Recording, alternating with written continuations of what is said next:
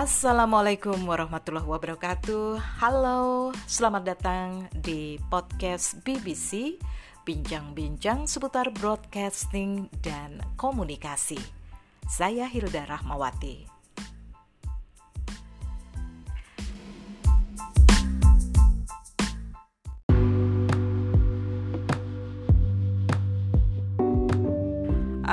Kali ini saya mau berbagi atau sharing pengalaman tentang menulis skrip untuk radio atau TV ya.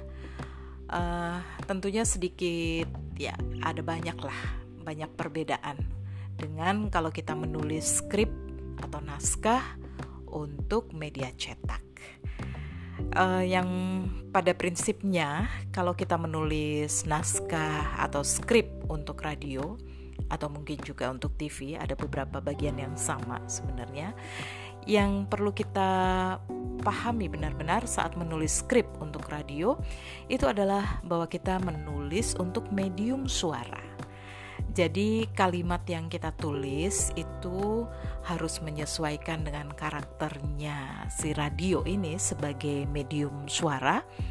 Maka yang kita tulis dalam skrip adalah e, menggunakan bahasa seperti kita berngobrol atau bahasa percakapan, bahasa lisan yang biasanya kita pakai atau kita gunakan saat kita ngobrol sehari-hari yaitu istilahnya tuh spoken words gitu ya kalimat-kalimatnya atau kata-katanya itu menggunakan yang biasa kita pakai kalau kita ngobrol.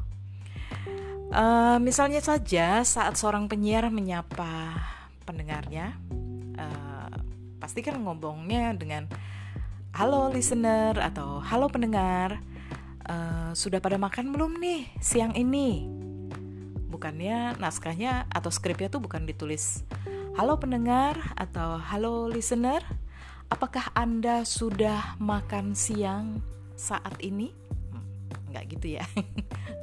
apakah Anda? Oh, itu kayak uh, kalau kita dengar dubbingnya atau sulis suaranya telenovela telenovela mungkin. Ya nggak gitu ya. Jadi gunakan bahasa yang senatural mungkin seperti kita sedang ngobrol. Ya. Uh, juga misalnya kalau kita menulis naskah radio untuk menyatakan waktu atau keterangan tem, uh, waktu ya.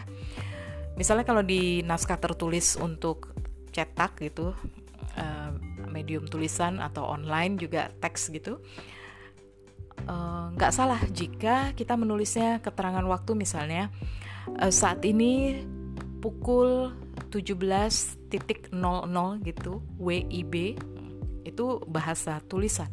Tapi kalau untuk skrip e, di radio, maka kita akan bilangnya atau tulisnya sehingga penyiar akan membacakannya saat ini sudah jam 5 sore. Ya, kira-kira gitu. Atau contoh lain misalnya biasanya uang ya atau kurs nilai mata uang. Kalau di naskah cetak atau tertulis uh, itu kita akan nulis di skripnya itu adalah harga cabai rawit saat ini di pasaran uh, dijual atau seharga Rp 100.000 per atau garis miring kilogram gitu atau kg.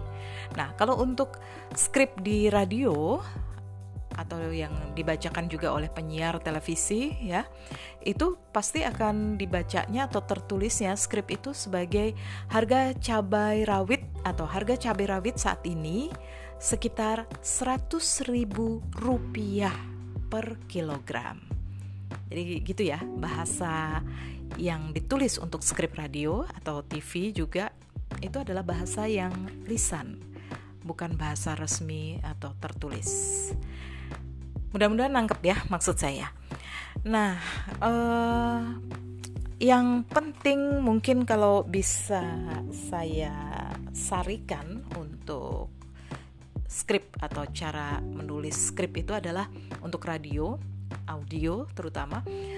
Uh, tulislah dengan cara kita berbicara tadi, spoken words.